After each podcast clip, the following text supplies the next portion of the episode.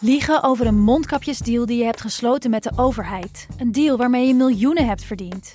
Dat doet toch alleen Siewert van Liende? Nou, nee. Ik ben Felicia Alberding en in de Mondkapjesmiljonairs duik ik met een team van correspondenten in andere schandalen. Want wist je dat Siewert helemaal niet uniek is? Luister de Mondkapjesmiljonairs in je Podimo-app. Of ga naar podimo.nl slash mondkapjes. En probeer Podimo 30 dagen. podimo.nl slash mondkapjes. Dit is Jong Beleggen, de podcast. Ik ben Milou. En ik ben Pim. In deze aflevering vermaken wij jullie met eh, nou ja, een gesprek over het businessmodel van de toekomst. Ja, abonnementen. Is dat echt het model van de toekomst? Ja, dat hoor. iedereen aan de abonnementen gaat? Allemaal aan abonnementen. En alles wordt digitaal. Ja. En alles wordt een softwarebedrijf. Oh, verdrietig hè. Oh, deze Oh. wereld. Ik weet niet of ik erin wil leven. We bespreken de kwartaalcijfers. Ja, die komen er weer aan. We gaan het ook hebben over go-to-market strategie. Oké, dat is half Engels, half Nederlands. Ja, dat is misschien niet goed hè. Ik vind het wel grappig. ja.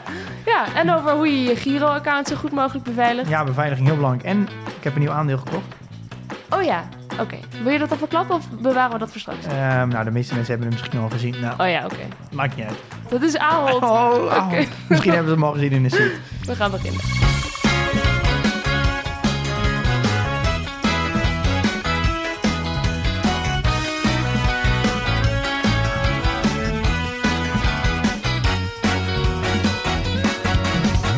Het is een eh, groene week geweest, Pim, toch?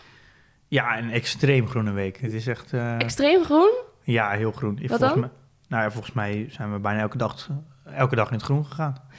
Ik niet heb, zo'n eh, beetje ook. Ja, nou, ik, ik zit nu, ik was, toevallig keek ik gisteren weer, ik was een paar dagen vergeten. Maar ik heb vorige week, nadat wij hadden opgenomen, heb ik weer bijgelegd. Oh, wat goed. En dat was blijkbaar een goed moment. Ik Nieuwe maand, ja, natuurlijk nieuwe maand aan het schema gehouden. Ja, aan het schema gehouden, vanzelfsprekend.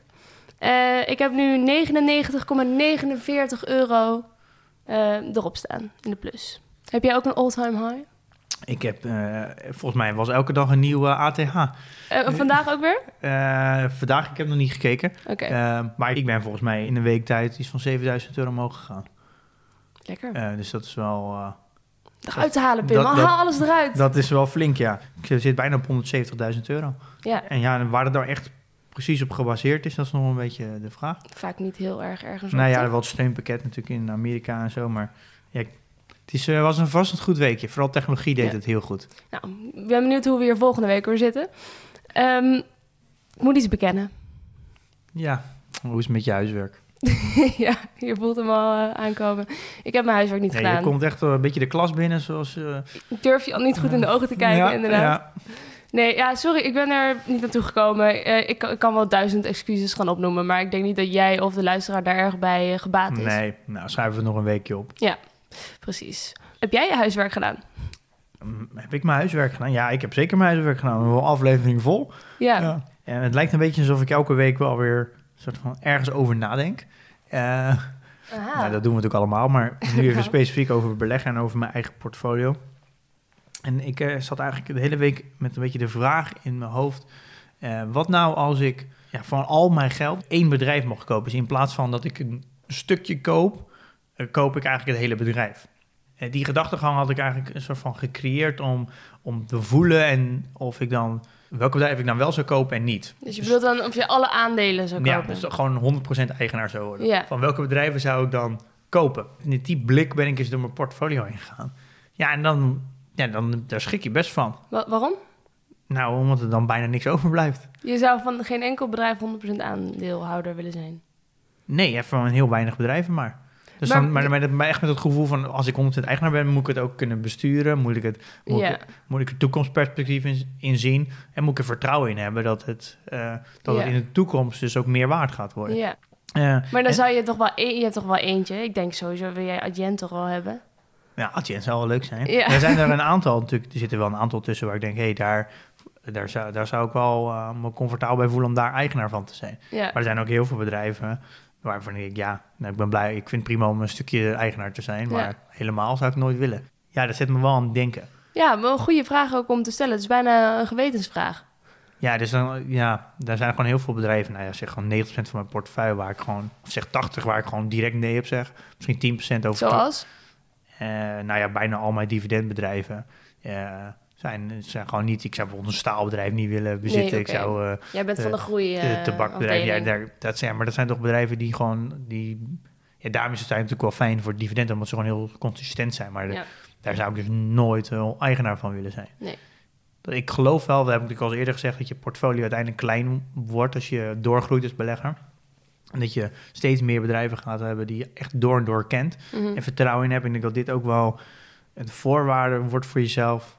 eh, omdat je steeds naar minder bedrijven gaat, dat je echt 100% vertrouwen in moet Ja. hebben. Je En kan het een dit- beetje als leidraad gebruiken. Ja, dat dit wel een mooie vraag is voor jezelf. En als je, dat, als je daar niet comfortabel bij voelt om 100% eigenaar te zijn, eh, waarom zou je dan wel een klein beetje eigenaar zijn? Ik snap het. Nou, een goede vraag ook misschien voor luisteraars om zichzelf eens eh, te stellen. Als je niet alleen een ETF hebt, zoals ik. Die vraag kan ik mezelf dus nog niet stellen. Jij hebt je huiswerk dus wel gedaan. Dat Eh, klopt. ja, mooie aflevering voorbereid over het businessmodel van de toekomst. Volgens mij is dit iets waar jij eh, gepassioneerd over bent. Ook omdat je zelf natuurlijk eh, twee bedrijven hebt gehad of hebt opgericht. Waarom wil je het hierover hebben? Nou, er is namelijk een, een- vooral denk ik door software, eh, is dit businessmodel eigenlijk groot aan het worden. En het bewijst eigenlijk ook wel dat dit eigenlijk het enige model is op lange termijn hoe je, waar je je business op kan runnen. Dit businessmodel bedoel je mee het model is- waar we het nu over gaan hebben? Ja, en dat zijn abonnementen. Eh, Oh. En het, ja, dat klinkt natuurlijk helemaal niet zo, eh, zo bijzonder. Het zijn, Ja. ze noemen dat ook wel het ja, subscription business model. Mhm. En dit is eigenlijk door software is dit, is dit heel groot geworden. Ehm, ik weet dat dit consumenten moeten hier nog heel erg aan wennen. Er is ook al, denk ik, afgelopen tien jaar al best wel een, een frustratie bij heel veel consumenten dat je overal maar een abonnement voor moet afsluiten. Mhm. Maar dat vooral de nieuwe generatie daarmee opgroeit eigenlijk. En daar dus die merkt dat die frustratie vooral bij de oudere generatie zit. Eh, maar dit is eigenlijk het enige model wat op lange termijn werkt. Dus we hebben het dan bijvoorbeeld over Netflix eh, doet aan abonnementen. eh, ja, wat nog meer? Wat zijn typische abonnementen businessmodelbedrijven? Nou ja, eigenlijk alle groeibedrijven eh, die zitten eigenlijk in een, in een vorm van een abonnementenmodel. Eh, als je naar mijn groeiportfolio kijkt, zijn het eigenlijk allemaal abonnementbedrijven. In, in, een, in een zekere zin. We noemen nog eens een voorbeeld dan naast de, de obvious one, zoals ik dus net nou. Apple, dat is denk ik ook het grote verschil, is dat Apple was altijd gezien als, als een hardwarebedrijf. En de waardering voor hardware is veel lager.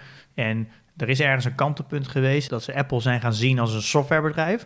En vanaf dat moment is Apple hartstikke hard gegroeid en zijn de waarderingen ook echt eh, eh, compleet veranderd. Maar waar zit dan het abonnement in Apple? Want Eh, ik heb- heb een... Ja? nou, in bijna, ja, in bijna alles wat, wat ze nu aanbieden is, je hebt onder je storage zit een abonnement in. ja, je- oh ja, natuurlijk. het zit in De je, iCloud. in ja, de iCloud. De streamingdienst, zoals van Netflix, van Apple. Ja. Eh, nou ja, ze hebben nu Fitness Plus. Nou ja, ze hebben ah, onwijs veel eh, eh, services die allemaal per maand zijn. Nou, Microsoft is niet anders. ja. Alleen maar abonnementen. Of je nou Microsoft Office wil nu, of Mhm. Teams. Ja, oké. Maar daar hebben we het nu dus wel over allemaal tech- en softwarebedrijven. En je zegt, ja, het wordt het businessmodel van de toekomst. Niet elk bedrijf is in de toekomst lijkt me een softwarebedrijf. Ik geloof dat in een vorm elk bedrijf een softwarebedrijf wordt. En natuurlijk, je, krijgt een, je hebt om verschillende lagen van hoe beoordeel je een softwarebedrijf, 100% of een gedeeltelijk. Ehm, maar neem bijvoorbeeld de krant. Ehm, uiteindelijk wordt elke krant een softwarebedrijf, 100%. Ehm, 100% of weet je het zeker 100%? weet je het zeker dat het 100% Ja, ja. zo is. De papieren krant gaat verdwijnen. Nou, daar zijn we allemaal wel, wel duidelijk over dat dat niet meer gebeurt. Degene, de, de, de drukker gaat eruit, degene die het moet bezorgen, alle eh, leveranciers die, eh, die het, eh, dus de, de vrachtwagenchauffeurs die het moeten wegbrengen. Nou, je eigenlijk puur journali- journalistiek over, dus journalisten. En die journalisten, die, het moet ergens weg worden gezet. Dus dan krijg je een heel groot team aan productontwikkelaars. Eh, dus productmensen, dus designer, strategen, marketeers. Dus ik noem het gewoon een, een, het software team eigenlijk. Die zorgen dat het allemaal online En die moeten het allemaal in de lucht houden. Die moeten apps maken, die Ja. moeten een systeem maken waar journalisten dat goed kunnen invoeren. Dat uiteindelijk, natuurlijk de grootste gedeelte zal uiteindelijk nog steeds journalisten zijn. Ja, Ehm, die je moet betalen. Ja. Maar de cultuur en hoe het bedrijf geld verdient is door software. Ja, Eh, nou, ik, maar eh, tegelijkertijd, ik weet niet of ik wel wil leven in een wereld waarin dit businessmodel superieur is, want ik hecht veel waarde aan mijn papieren krant. ja, ja, dat is... die- En die is er ook nog wel even. Ik denk, is, blijft er niet altijd gewoon behoefte aan gewoon dat niet alles digitaal is? Denk je dat dat echt zeker weet Ja, ja, 100 procent. Ja. Je hebt natuurlijk ook bijvoorbeeld verzekeraars. Ja, verzekeraar, dat, dat is ook gewoon een digitaal bedrijf aan het worden. Wat, wat doet al die mensen nog op kantoor? Dat kan allemaal, je, je, je verzekeraar, je opent een appje, je sluit een verzekering af. En als je wat aan de hand is, dan, maak je een, eh, dan geef je dat aan in een app, dan maak je een foto. Er is, komt bijna geen mensen meer aan te pas. Je hoeft geen mensen meer te bellen met... dat Nee, ja, dit is, mm, Nee. als alles digitaal gaat, eh, ja, waarom, dan is het toch eigenlijk een softwarebedrijf. Eh het is Ja. ook een beetje hetzelfde met een, met een bank. Is dat, ja, wanneer ben je voor het laatst bij een bank geweest? Wanneer heb je voor het laatst een medewerker van een bank gesproken? 2018. Ja, Ik kan me niet eens meer herinneren dat ik überhaupt bij een bank ben geweest. En dat ik überhaupt Nee. iemand gesproken heb. Nee. Het gaat allemaal via een app. Voor mij is een bank gewoon een softwarebedrijf. Zijn Ja. eigenlijk in wezen allemaal softwarebedrijven aan het worden. Ja, en, en is het voor een groot deel ook al, zeg je dus eigenlijk. Ja, en het wordt Ja. natuurlijk alleen maar erger. Want je ziet namelijk dat alle niet-software takken nog bij bedrijven, die zijn gewoon aan het krimpen. Ja, Dus het is gewoon een kwestie van tijd dat dat gewoon wegvalt. Die vallen vanzelf weg, omdat er namelijk concurrenten zijn die die takken niet hebben. eh, die, die alleen maar aan het groeien zijn. En als je hoofdactiviteit software wordt, of je verdienmodel wordt software, ja, dan is het eigenlijk de enige businessmodel wat goed werkt, is een abonnementendienst. Ik denk dat je wat je goed moet begrijpen als, we, als het gaat over als je hoofdactiviteit software is, dat namelijk het kostenplaatje verschuift. Neem bijvoorbeeld de, de voorbeeld van de krant. Je hebt vaste kosten en je hebt variabele kosten. Een krant, een traditioneel journalistiek bedrijf, heeft hele lage vaste kosten. Dus zie je het alleen als de salarissen van, eh, van journalisten. Maar die heeft hele hoge eh, variabele kosten. Dus als er heel veel kranten worden verkocht, moet er meer gedrukt worden. eh, moet het meer verspreid worden, meer mensen betaald worden, minder briefbussen doen, meer- naar meer verkooppunten. Je levert marge in omdat meer mensen namelijk eh, verkooppunten komen en die, die moet je ook betalen. dus hoe Dus- beter je bedrijf het doet, hoe meer kosten je eigenlijk ja, ook meer hebt. kosten maakt. Dus, als het, dus aan de ene kant was dat vroeger, werd dat altijd gezien als voordeel. Want als je dus minder omzet had, had je ook minder kosten. Dus het voelde veiliger. Maar daardoor Ja. is het ook zo dat als je heel veel verkoopt, dat je ook heel veel kosten hebt. Ja. Dus je kan nooit extreem veel verlies maken. Je kan ook nooit extreem veel winst maken. Ja. Dus waar dat geeft natuurlijk ruimte voor heel veel concurrenten. Nu bij als je hoofdactiviteit software is, dan verschuift dat heel erg. Dus je vaste kosten die worden veel hoger, omdat je namelijk een heel productteam moet betalen. En je hebt nog steeds je journalisten. Dus je, je, je vaste kosten worden veel hoger. Mhm. Maar daarentegen wordt je variabele kosten heel laag. Je hebt een hogere opstap, maar als je daarna echt gaat, echt gaat groeien, dan is natuurlijk de marges gaan dan extreem omhoog. ja, hoe meer omzet je hebt, is het dus... Bijna, er is gewoon boven een bepaald punt, is gewoon puur winst. Ja. Nou, en dan kan je natuurlijk echt hard groeien. En dan worden in één keer bedrijven die echt groot zijn, die gaan echt heel veel verdienen. Nou, Ja. dan krijgen we in één keer de tafereel die we nu hebben. Is uniek in de geschiedenis dat we bedrijven hebben die zoveel marges, zo hoge marges maken, zoveel cash hebben. Dan weet ik over Apple, Amazon. Het komt om dit businessmodel. En Ja. dit businessmodel zorgt er eigenlijk voor dat er eigenlijk bijna alleen maar monopolies komen. Mhm. Omdat, eh, omdat als je eenmaal de eerste bent of de grootste bent, heb je, en je kan zulke hoge marges maken, Ja, dan is, heb je zoveel cash, waardoor je het gewoon heel makkelijk iedereen kan kopen. oké, dus dit businessmodel, als ik jou nu zo hoor, is superieur voor bedrijven. Maar voor de mensen, is het, of voor de consument, is het misschien wel helemaal niet het ideale businessmodel. Nou ja. In ieder geval niet voor mij met mijn papieren krant. En dat er monopolies komen, waardoor, ja, Ja, daar nee, zien dat is natuurlijk altijd een hele eh, moeilijke, een beetje kip en het ei. Want aan de ene kant denk ik, ja, aan de ene kant heb je gelijk, maar aan de andere kant, door dit model kunnen wij wel als consument voor echt relatief bijna niks extreem veel waarde krijgen. Neem bijvoorbeeld Netflix. Je kan voor, voor 7 euro kan je een beetje alle films in de wereld kijken. Ja. Dat is idioot goedkoop. En daar, dan muziek. hebben we het over een videodienst die ja, optioneel ook, is. Ja, maar natuurlijk ook naar Spotify. Dan kijk alleen naar Google. Dat je, wat voor diensten je daar allemaal uit kan. Dat je gewoon ja, al, die, al je producten waar je mee werkt. Met Word en alles. En Ja. gewoon alle tools waar je mee werkt. Dat je dat, ook apps op je telefoon en zo. Dat je dat, dat is allemaal zo goedkoop geworden per persoon. Dus voor een individu is het, is het natuurlijk eigenlijk gewoon eh één groot feest. Ja, maar je moet Je je, dus krijgt wel extreem altijd veel waarde voor echt bijna niks. afvragen ten koste van wat dan? En als jij, jij bent de expert, gaat het niet ten koste van iets voor de consument? Dat moet toch wel? Als het alleen maar winst oplevert voor bedrijven, ten koste van wat gaat dat voor gewone mensen? Nou ja, ik zie nu gewoon op dit moment gewoon heel Geen weinig eh, nadelen voor gewoon puur consumenten. Het, dus we moeten blijven innoveren. En omdat het allemaal, maan, allemaal subscriptions zijn, kan je het per direct opzeggen. Ja. Waardoor je dus wel constant bezig blijft met... je moet die gebruiker aan je houden. Waardoor, Ja.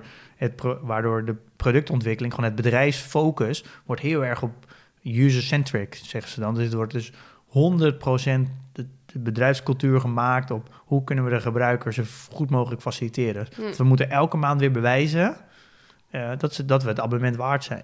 Ja, maar dus dat- als ze op een gegeven moment de enige optie worden, en namelijk omdat ze zo groot zijn geworden, Ja. eh, dan, heb, ja, dan zijn er geen concurrenten meer. Dus dan hoeven ze ook niets meer te bewijzen. Ja, mensen moeten toch Word gebruiken dan. Ja, maar dat is een beetje het ding als de marges dus heel hoog zijn. Dat is ook een beetje economie. Als het dus zo aantrekkelijk is, dan eh, gaan er ook weer andere partijen, want die nemen het risico wel, omdat het, namelijk de reward heel hoog is. Ja, maar dan word je toch meteen opgeslokt. Dat gebeurt nu een heel lange tijd, maar dat gaat Ja. op een gegeven moment reguleert zich, denk ik uiteindelijk wel. Alleen dat gaat altijd wel in een beweging. Oké, maar interessant. Ik ben benieuwd. Ik hoop dat het eh, voor iedereen goed uitpakt. En dat die win-win situatie voor bedrijven en consumenten erin zit in de toekomst. Belangrijk natuurlijk is, wat hebben beleggers hier aan om dit te snappen? Ja, nou, dat, dat is misschien nu ook de belangrijkste vraag. Ja, Kijk, dit businessmodel zorgt ervoor dat er namelijk heel veel voorspelbaarheid komt. Is omdat je namelijk begin van het jaar eigenlijk al weet hoe, wat, wat ongeveer je inkomsten gaat zijn. En je kan dus heel makkelijk je groei projecteren. Ik praat natuurlijk alleen maar over gewoon abonnementen. Dus als je Ja. begint met duizend abonnementen, dan weet je ongeveer dat 5% afvalt. Waarom die afvallen, je weet ook hoeveel nieuwe mensen er maandelijks bij komen. En je weet op een gegeven moment heel goed op welke knoppen je moet draaien om nieuwe mensen te krijgen. Ja. Welke advertenties werken wel, welke manier van kortingen werken wel, op welke, op welke content komen ze bijvoorbeeld binnen, wat zijn de redenen. En je weet ook, wat noemen ze dan de lifetime value van een klant. Dus hoe lang blijft een klant gemiddeld eh, klant? ja. ja en dat En zijn dat allemaal is- voorspellende... Het is ja. extreem voorspelbaar. En Ja. Dus dan kan je heel makkelijk aan die knoppen draaien. Dat zorgt ervoor dat je dus namelijk... Een economie gaat altijd in een cyclus. En dit is extreem recessieproof. Extreem. Dus, dus ze gaan, ze met, als we een recessie krijgen, dan doen zij niet mee, bedoel je? Nee, deze, nee, dat merk je nu al. Het is gewoon, Ja. eh, sterker nog, we worden nu eigenlijk voor eerst was dat een beetje zo dat in die slechte tijden werd dat gelijk verkocht en we liepen naar de veilige havens toe. Het is nu helemaal omgekeerd. Ja. De technologie is nu juist gezien als een veilige haven en als het economisch dus slechter gaat, dan gaat iedereen naar technologie als veilige haven, omdat dat het veiligste businessmodel is. Omdat het namelijk relatief zo goedkoop allemaal is, kan je eigenlijk niet zeggen, ik zeg nu even mijn abonnement op van Netflix, omdat het nu economisch wat minder gaat. Omdat het namelijk Mhm. allemaal zo relatief weinig is wat je betaalt. En dat geldt natuurlijk eigenlijk met heel veel, so- met heel veel dienstverleningen die in een abonnement zitten. Niemand gaat zijn Spotify opzeggen omdat het even wat minder gaat. Nee, nu je het Eh, zegt, nee. En dat is wel heel anders, maar je stelt wel even het, aanschaf van kleding uit. Of je gaat wat minder Ja. vaak uit eten. Of je koopt niet even die auto. Gek eigenlijk, je rekent het een soort van als je vaste lasten. Ja, dat, en dat is het heel erg, omdat het namelijk... Die bedrijven zijn zo goed gefocust op, op wat een gebruiker wil... Ja, dat je het gewoon ziet als een soort van utility. Ja. En daar zijn... Dat vind ik nog steeds een beetje eng klinken, maar goed, daar ging de discussie niet over. Nee, maar dat is wel... Ja, dat, is het, dat is de cultuur die... die die, so- die Ja. gewoon productontwikkelaars hebben. Dat, het, zit, het zit er zo ingeslepen dat je elke keer moet bewijzen dat je het waard bent, waardoor je zo een bijna obsessie hebt voor eh, een product maken waar iemand blij mee is. Je klant echt koning, echt maar letterlijk. En dat, dat zeggen heel veel bedrijven zeggen dat, banken zeggen het zeker, maar niet, dat is helemaal niet zo. Het is de softwarebedrijven of vooral softwareculturen, die hebben echt een extreme obsessie voor, voor klantvriendelijkheid. Ja. Is echt, gaat heel ver. Eh, nou, je misschien merkt, merken denk ik de mensen die nu in de community zitten, waar ik het product aan ontwikkelen ben ook.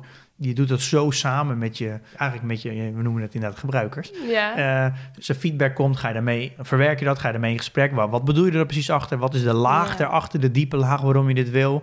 Eh, nou, dan verwerken we dat in het design, laten we het weer zien, bouwen we het, vragen we, is dit degene wat je wilde? Je, bent, je bent zo bezig met het, een product maken, wat degene die ervoor weer betaalt, dat het een fijn product is. Dat zit zo in een cultuur van eh, alle mensen die, die software maken. En dat zorgt ervoor dat je, dat je gewoon de producten die eruit uitkomen ook gewoon echt superieur zijn vergeleken met de traditionele modellen. En als je dus groei wil, voor een belegger is, als je dus toekomstig groei wil, moet je heel erg kijken naar, zit er ergens al een, een subscription model verweven in het bedrijf? Eh, En hoe kun je dan dat zien bij zo'n bedrijf? Of die werkt met een subscription model?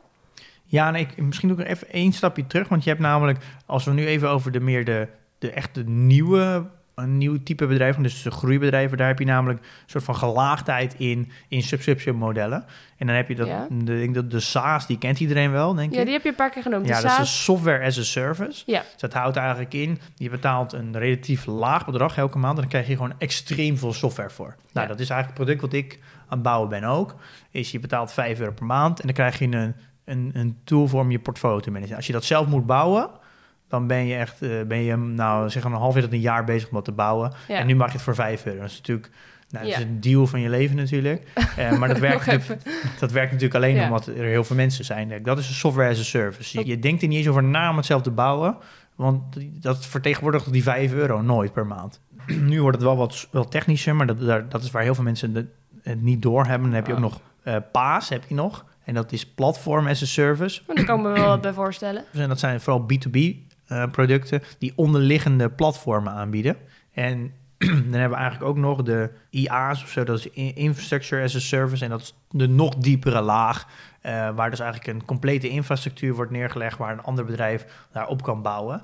Nou, bijvoorbeeld Fastly, die hebben we, denk ik, het is zes afleveringen een keer over gehad, wat ik Mhm. gekocht heb. Dat Ja. is echt zo'n Infrastructure as a Service. Oké. Eh, die creëren eigenlijk een, een netwerk aan servers. Dus Spotify wil dan alle nummertjes over de hele wereld verspreiden. Nou, om dat goed te kunnen doen, dat het op elke plek even snel werkt en goed te beluisteren is, heb je ze een complete infrastructuur nodig over de hele wereld. Dus wat gebeurt er? Eh, daar gaat gewoon een ander bedrijf gaat daar inspelen en denkt, hey, alle bedrijven hebben dit nodig.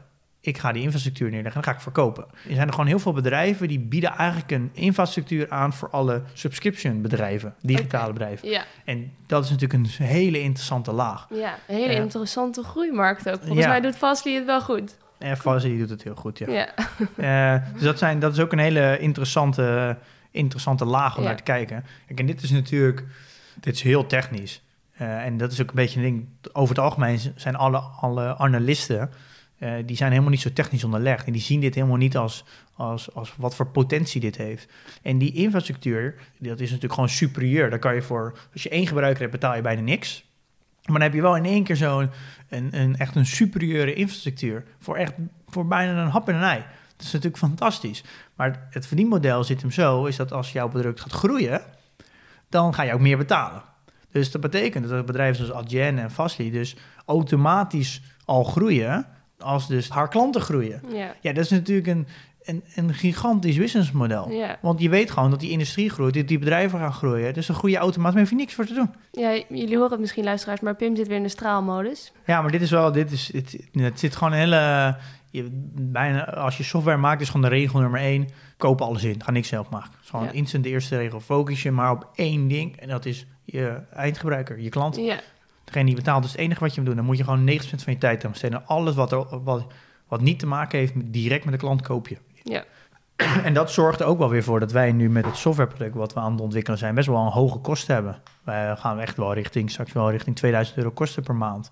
Eh, gewoon alleen maar een inkoop van de infrastructuur. Ja. En dat is natuurlijk nu relatief duur, want we hebben maar best wel Ja. relatief nog weinig gebruikers. Dus we hebben best wel een hoge kosten. Dus het is de opstart van software is heel duur Ja, en heel risicovol. Maar op een gegeven moment kom je op een punt dat je over voorbij de break-even gaat en dan is alles pure winst. Eh, en heel veel softwarebedrijven redden, redden dat break-even point niet. Een proces van lange adem. Ja. Missen we nog iets wat het businessmodel van de toekomst betreft? ja, ik wil er nog wat aan toevoegen. Ik wil nog even een soort van trend meenemen. Zo, hoe kan je er nou naar die type bedrijven kijken en waar zie ik nou die afgelopen tien jaar die trend in? Ik heb het eigenlijk opgedeeld in vier lagen. De eerste laag was eigenlijk puur software.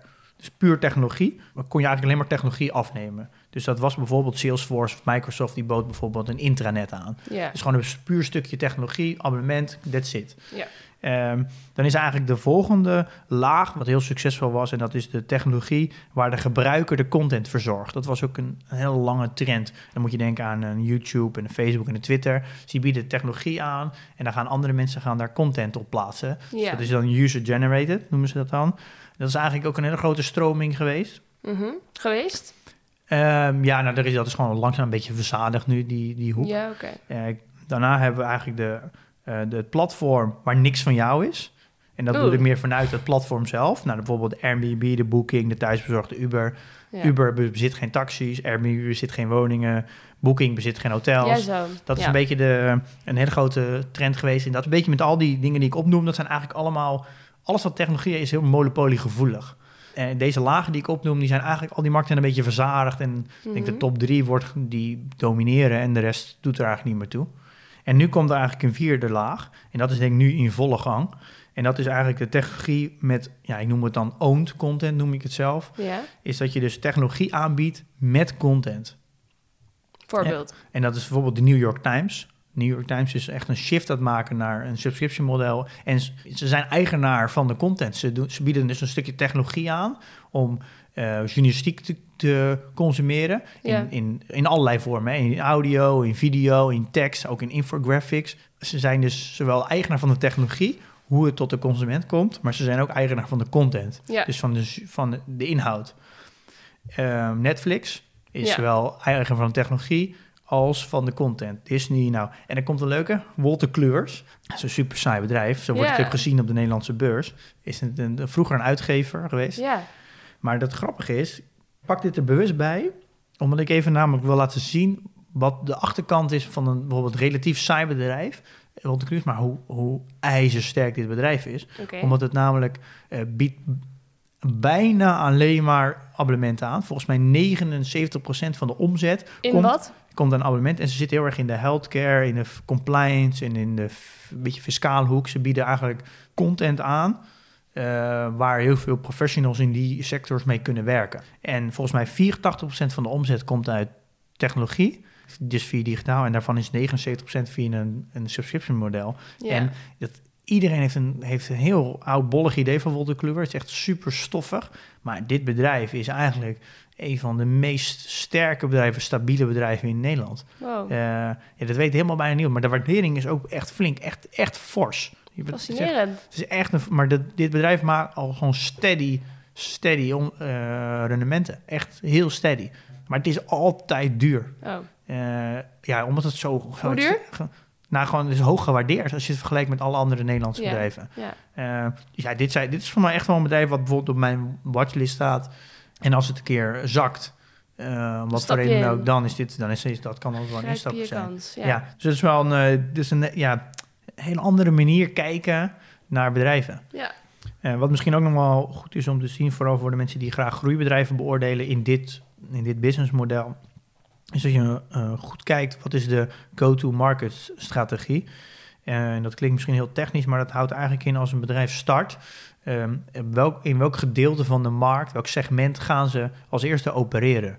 En dit bepaalt heel erg, eh, of dit kan je heel erg doorzetten eigenlijk in waar ze uiteindelijk willen uitkomen.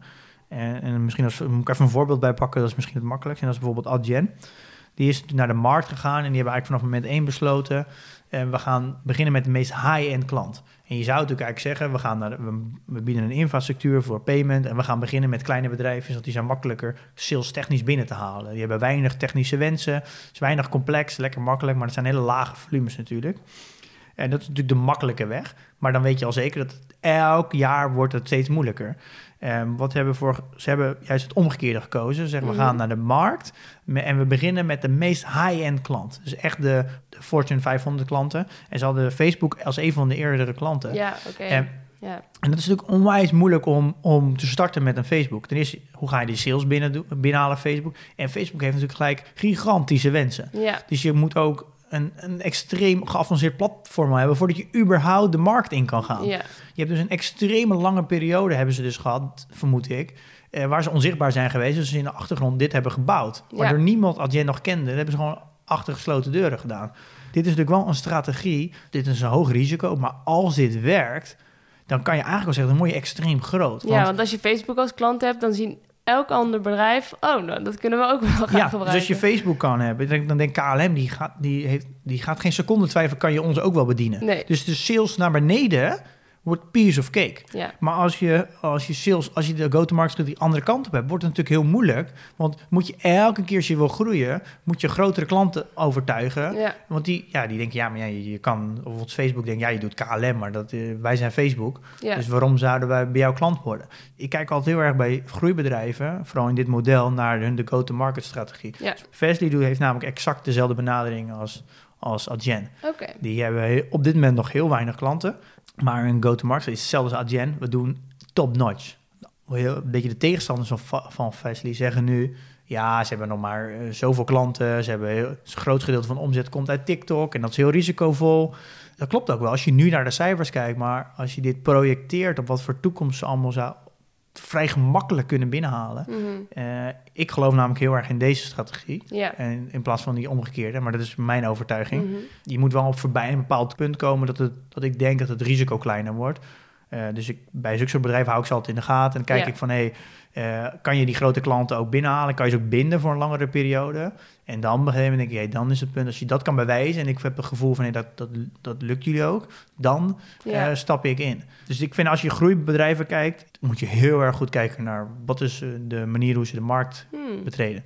Ja, Nou, zo kan ik volgens mij nog wel, eh, nog wel uren lullen over hoe beoordeel je nou een goed groeibedrijf en hoe... Ja, Ja, ja, maar we, we timmeren aan de weg en we leren steeds meer. ja. Volgens mij Dus, zijn we al een heel eind. Tijd voor de portfolio dividend tracker update. ja Waar ben je op dit moment mee bezig? ehm, we hebben natuurlijk heel veel verschillende dingen gedaan, maar ik wil even één ding er specifiek uitpakken. Ja. Ehm, we hebben nu de transactiekosten verwerkt. Wat ik daar zelf heel leuk aan vind, is dat we nu per holding aangeven hoeveel transactiekosten heb je gemaakt. Dus in absolute getallen en percentages. Ja. En we tellen dus ook alle percentages bij elkaar op. En dan heb je het gemiddeld, dus dan weet je ook hoeveel procent heeft het jou gekost om je huidige portfolio te creëren. Ja, hoeveel- ja oké. Ik zeg altijd hetzelfde, probeer te focussen dat je nooit meer dan 1% transactiekosten betaalt. Mhm. Eh, anders wordt het wel heel lastig om nog rendement te pakken. En er was mij eigenlijk één ding heel positief opgevallen. Ik heb dus gemiddeld 0,07%. Kees, dat is niks. Nee, het heeft mij dus 0,07% gekost om mijn huidige portfolio samen te stellen van 170.000 euro. Wow. Ja, dat is Nou. eenmalige kosten. Pim, wat goed. Ja, nou, dat was maar, ik had niet verwacht dat het zo laag zou zijn. Nee. Ehm, maar dit is natuurlijk heel interessant. Dit, zijn, dit is inzicht. En Ja. dit zie je natuurlijk nooit bij de Giro. Is eigenlijk heel logisch. Want de Giro laat natuurlijk niet zien hoeveel transactiekosten je betaalt. Want dan ga je, word je gestimuleerd Om minder. om, om minder te doen. Ja. Nou, wij gaan dat wel inzichtelijk maken. Eh, Ja. Dus als je nu je portfolio inlaat, dan laten wij ook zien hoeveel procent je per holding betaalt en totaal. Dus dat is weer inzicht ja, waar je wat aan hebt. Wat gebruiksvriendelijk. Ja, gebruiksvriendelijk. Ja. Dit is natuurlijk ook een wens. Dit is wat heel veel binnenkomt. Ja, eh, waar heel veel mensen naar vragen. En Ja. Dat gaan we bouwen. leuk. Zo is dat is het leuke, vind ik ook aan softwareontwikkeling. Is we doen dat nu met eh, 250 man die elke dag er gebruik van maken. Met feedback komen. En we gaan dan mee in gesprek. Waarom wil je dat? En dan bouwen we dat. En leuk ook dat mensen dat gewoon mee- kunnen meekijken allemaal. En eh, nieuwe meekijkers, zal ik ze weer even Ja, we oplezen? hebben weer nieuw meekijken. Dat zijn Rick, Sophia, Robin, Jan Wietse, Maarten, Annelies, Koen, Seb, Sarah, Jeroen, Giel, Pascal, Tom, Tim, Kees, Jeroen, Daan, Brett, Moon, Brian, Andrew, Jessica, Niels, Jeroen, Jeroen, Fatima, Dylan, Roos, Jolien, Jeffrey, Floor, Edwin, Bo, Roel, Alex en Niels. En wil je ook meekijken in, het, eh, in het proces? Ga dan naar www.vriendvandeshow.nl slash jongbeleggen. Ja, dat klopt. Yes. Dan gaan we... Wat is er in het nieuws gebeurd eh, afgelopen week? Ja, het cijferseizoen is geopend. Mhm. Eh, we hebben net Takeaway gehad en ASML en TomTom. Dat Ja. hoorde ik ook op het nieuws inderdaad. Tom Tom deed het niet zo goed, maar eh, thuisbezorgd gingen we lekker. Ja, thuisbezorgd echt, eh, echt heel erg indrukwekkende En cijfers de weer. komende weken zullen ze ook alweer extra lekker gaan, want iedereen mag niet meer uit eten. Dus dan moet dan gewoon weer naar je huis komen. Ze hebben eh, 64% groei in bestellingen. Vergeleken Ja. met eh de jaar daarvoor. Het is echt indrukwekkend. Groeien ze bijna zo hard als eh Jong Belegde podcast Ja, bijna wel. per maand. Ja, dat, is wel dat is wel echt indrukwekkend. Ja. En dit, dit, is gewoon, dit gaat gewoon niet, niet stoppen. Dit gaat echt nog wel even door. En dan hebben ze nog niet eens de, de cijfers van de overname van eh Grubhub meegenomen. Dat ergens begin volgend jaar wordt Oh ja. afgerond. Ja. ja. dit is wel een... eh, ehm, die Jitse Groen, die, eh, die stopt volgens mij niet voordat ehm, het een monopolie is in de wereld. Jetse groene cijfers. Dit, ja, ik denk dat Takeaway je moet een beetje zien als... Het is niet een bedrijf dat in een jaar tijd 100% groeit. Nee. Maar ik denk dat je wel per jaar echt wel, wel gewoon makkelijk 30% kan verwachten. Het is een van mijn grotere holdings. Ja. Ik heb zelfs geld van Adyen een beetje naar Takeaway gedaan. Ja, ik, ik ben hier heel positief over. Eh, en ik denk dat de, de echte winst nog moet komen voor Takeaway. Omdat Ja. de overnames kosten heel veel geld. En die, dat, die symbiose uit al die overnames moet er nog echt uitkomen. Het gaat ze nog uitbetalen. Ja, dat Ja. gaat ze zeker nog komen. Dat geloof ik wel hoor. Hm, spannend. Oké, dan verder nog nieuws? Ehm, nou, we hebben natuurlijk net wel even daar gesprek over gevoerd. Misschien moeten we die ook maar laten. Die grote techbedrijven die liggen natuurlijk constant onder vuur nu. Ja. Europa die doet er nu ook een. eh, die gooit er ook nog een beetje olie op het vuur. Dat, Ja. ze, dat ze ook de kleinere bedrijven in Europa ook i- in toegang willen geven tot de data die de grote bedrijven hebben. Nou, in Amerika gaan natuurlijk eh, allemaal gesprekken over dat ze moet opgesplitst moeten worden. Ja. Ze liggen nu in alle kanten onder vuur. Ehm, maar ja, dit is een beetje een onderwerp waar volgens mij eh Ja. komende jaar elke week wel iets over geschreven gaat worden. Wat ik mij nog wel even afvroeg en aan jou wilde vragen. Ehm wij hebben natuurlijk eh, vanuit de EU willen wij dus ook meer regels eigenlijk voor die big tech. Ehm, die zijn wel allemaal Amerikaans. Eh, is het automatisch dan een conflict ook tussen eh, de VS en Europa? Ja, dat gaat zeker gebeuren. Ja, ja wij Ja. zijn eigenlijk een beetje, als Europa, een beetje het, eh, ja, hoe zeg je het, een beetje het lelijke eentje straks aan het worden. Want China die is, die is natuurlijk zwaar op inzetten in, die, in eigenlijk de technologie. Dat is ook wel een beetje het ding wat er nu gaat gebeuren. Is dat Europa zit er een beetje tussenin. Ja. En Europa heeft zelf niks te bieden. Dus ja, noem eens een groot technologiebedrijf in Europa. ASML. Eh, ja, maar dat biedt dus, dat is geen software. Eh, dat is hardware. En dan heb je Adyen die doet infrastructuur. Dus, dus we hebben geen enkele grote partij die, die naar de eindklant zit. Gewoon Hm. niks. Het is eigenlijk hartstikke sneu. En het probleem is nu dat wij eigenlijk als Europa er een beetje tussen zitten. Tussen straks China en Amerika. En we hebben ons nu eigenlijk allemaal een beetje verkocht aan eh, Amerika. Maar dat, ja, dat gaat misschien ook een keer richting China komen. Wij kunnen dan als Europa wel zeggen... ja, we willen allemaal gaan reguleren en zo. Maar ja, dat Ja. maakt onze positie straks heel zwak. Want als wij die grote bedrijven een beetje soort van willen temmen... dan gaat Amerika echt ook terugkomen met consequenties. Eh, ja, ik snap het ook wel. We, zijn gewoon, we hebben gewoon de boot gemist. Eh, Ja. En ja, ik ben wel benieuwd hoe Europa hier nu mee omgaat. Je kan blijven reguleren. Het is gewoon een boemerang. Alles wat je meer reguleert, ga je, ga je op een andere manier in een rekening terugkrijgen. Eh dus eigenlijk de enige remedie daartegen is een concurrent bieden. Eh, maar ja, die hebben we niet. nee, ja. Ik ben wel benieuwd hoe, eh, hoe dit zich gaat ontwikkelen. We hebben niet zoveel recht van spreken eigenlijk. Als het gaat om technologie, hebben wij gewoon, is Europa eigenlijk gewoon een beetje ver- verdoemd omdat wij zoveel verschillende culturen en talen hebben. Dus je hebt een hele hoge vaste kosten met software. eh, en daarna wordt het, een, wordt het echt pure winst. En het probleem is in Europa, en dat merk ik natuurlijk met alle. eh, ja, ik maak zelf natuurlijk ook software. Dat je, het probleem is dat je, je vaste kosten zijn heel hoog, maar je afzetmarkt is altijd heel klein. We zijn in ja. Europa zo verbonden aan taal. Ja, neem jij wel eens een Frans product af of een eh, Spaans product? Dat doe je bijna niet. Wat er dus gebeurt is dat elk land krijgt dus eigenlijk zijn eigen product ehm, in eerste instantie. Maar dat is gewoon op lange termijn, eh, dat is een beetje pap en nat houden. En dan komt er dus een Amerikaans product die hetzelfde aanbiedt. Maar die wordt dan natuurlijk veel beter. En dat is dan Engels. En dan gaat iedereen daar naartoe. En dat is natuurlijk een heel traditioneel verhaal dat iedereen kent. Elk land had zijn eigen hives. Zijn eigen. Facebook. Ja. En dan komt er een concurrent, Facebook, dat innoveert veel sneller. Dat Ja. werkt allemaal beter. En dan gaan we allemaal daar naartoe. En dat, zo ga, is het constant, gaat het met technologie. De Ja. afzetmarkt is gewoon te klein. Ja. Dus als je... Ondanks dat we dan misschien in een Europese Unie zitten met elkaar. Ja, maar dat, is die, die cultuurgeschillen in Europa zijn, zijn zo funest. Eh, en ook die taalbarrière is zo funest voor, voor schaalbaarheid.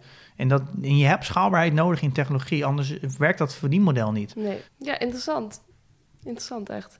Oké. Eh, even kijken. Nieuws nog verder? Nee, dit nee, was hè? Het. Portfolio. Er is iets gebeurd. Transacties. Ja, ik had vorige keer verteld dat ik nog wat, eh, nog wel wat cash had. Dat Mhm. ik voor mijn 2600 euro nog over had. Ja.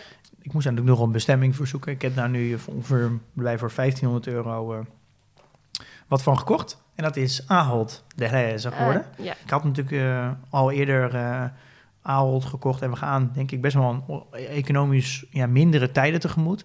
Dat lijkt misschien nu niet zo, maar we hebben natuurlijk veel steun en zo. Dus ik denk dat de komende jaren dat het echt wel iets minder gaat worden. Dus ja, gewoon een stabiele, eh, heel defensief aandeel als Ahold is gewoon nog altijd wel lekker. Ja. Ehm, ik merk toch wel dat Ahold toch wel, wel structureel wel zo'n 19% groei realiseert elk jaar.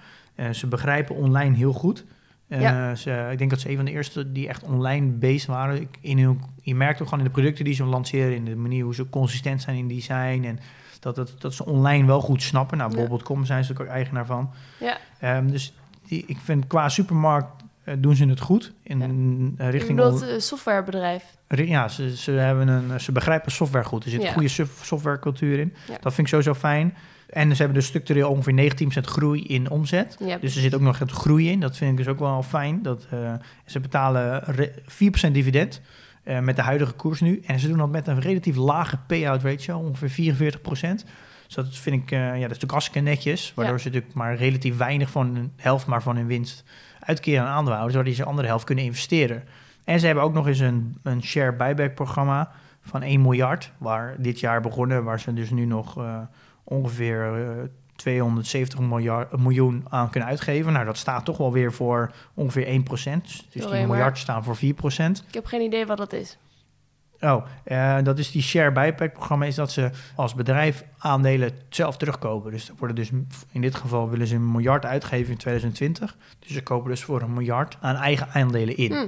Eh, weer meer eigenaar worden van... Ja, dus dat betekent dus dat er minder aandelen beschikbaar worden. Ja. De uitkering van, van de winst wordt, blijft wel hetzelfde. Dan wordt het dus, krijgt elke aandeelhouder relatief meer. Ja. Ehm, dus dat, dat stijgt de koers. ja.